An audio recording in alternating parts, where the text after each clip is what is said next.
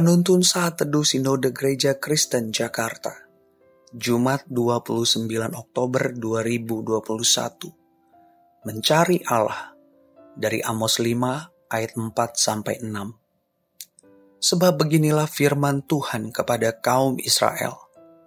Carilah aku maka kamu akan hidup. Janganlah kamu mencari Betel Janganlah pergi ke Gilgal dan janganlah menyeberang ke Beersheba sebab Gilgal pasti masuk ke dalam pembuangan dan Betel akan lenyap.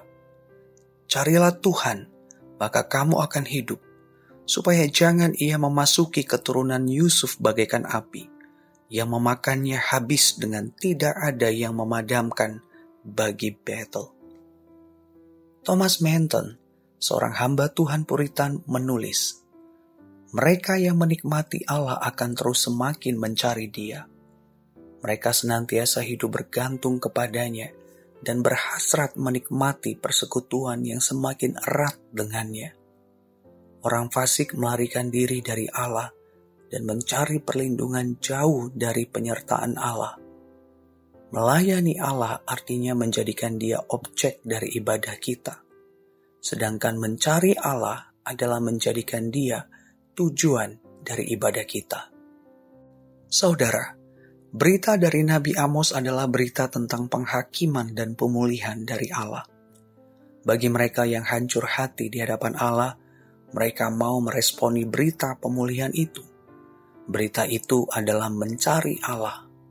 Kata mencari dalam bahasa aslinya adalah daras, yang berarti mencari Allah melalui doa, penyembahan. Tindakan ini dilakukan dari dalam hati yang mengasihi Allah bagi mereka, setiap waktu menjadi sangat berharga karena dapat berjumpa dengan Allah. Pada waktu berdiam diri, pada waktu berdoa, pada waktu membaca dan merenungkan firman Allah, pada waktu bekerja, pada waktu berkumpul bersama dengan keluarga sambil menyaksikan kasih setia Allah yang dialami sepanjang hari dan sebagainya. Mereka yang mencari Allah akan memperoleh hidup.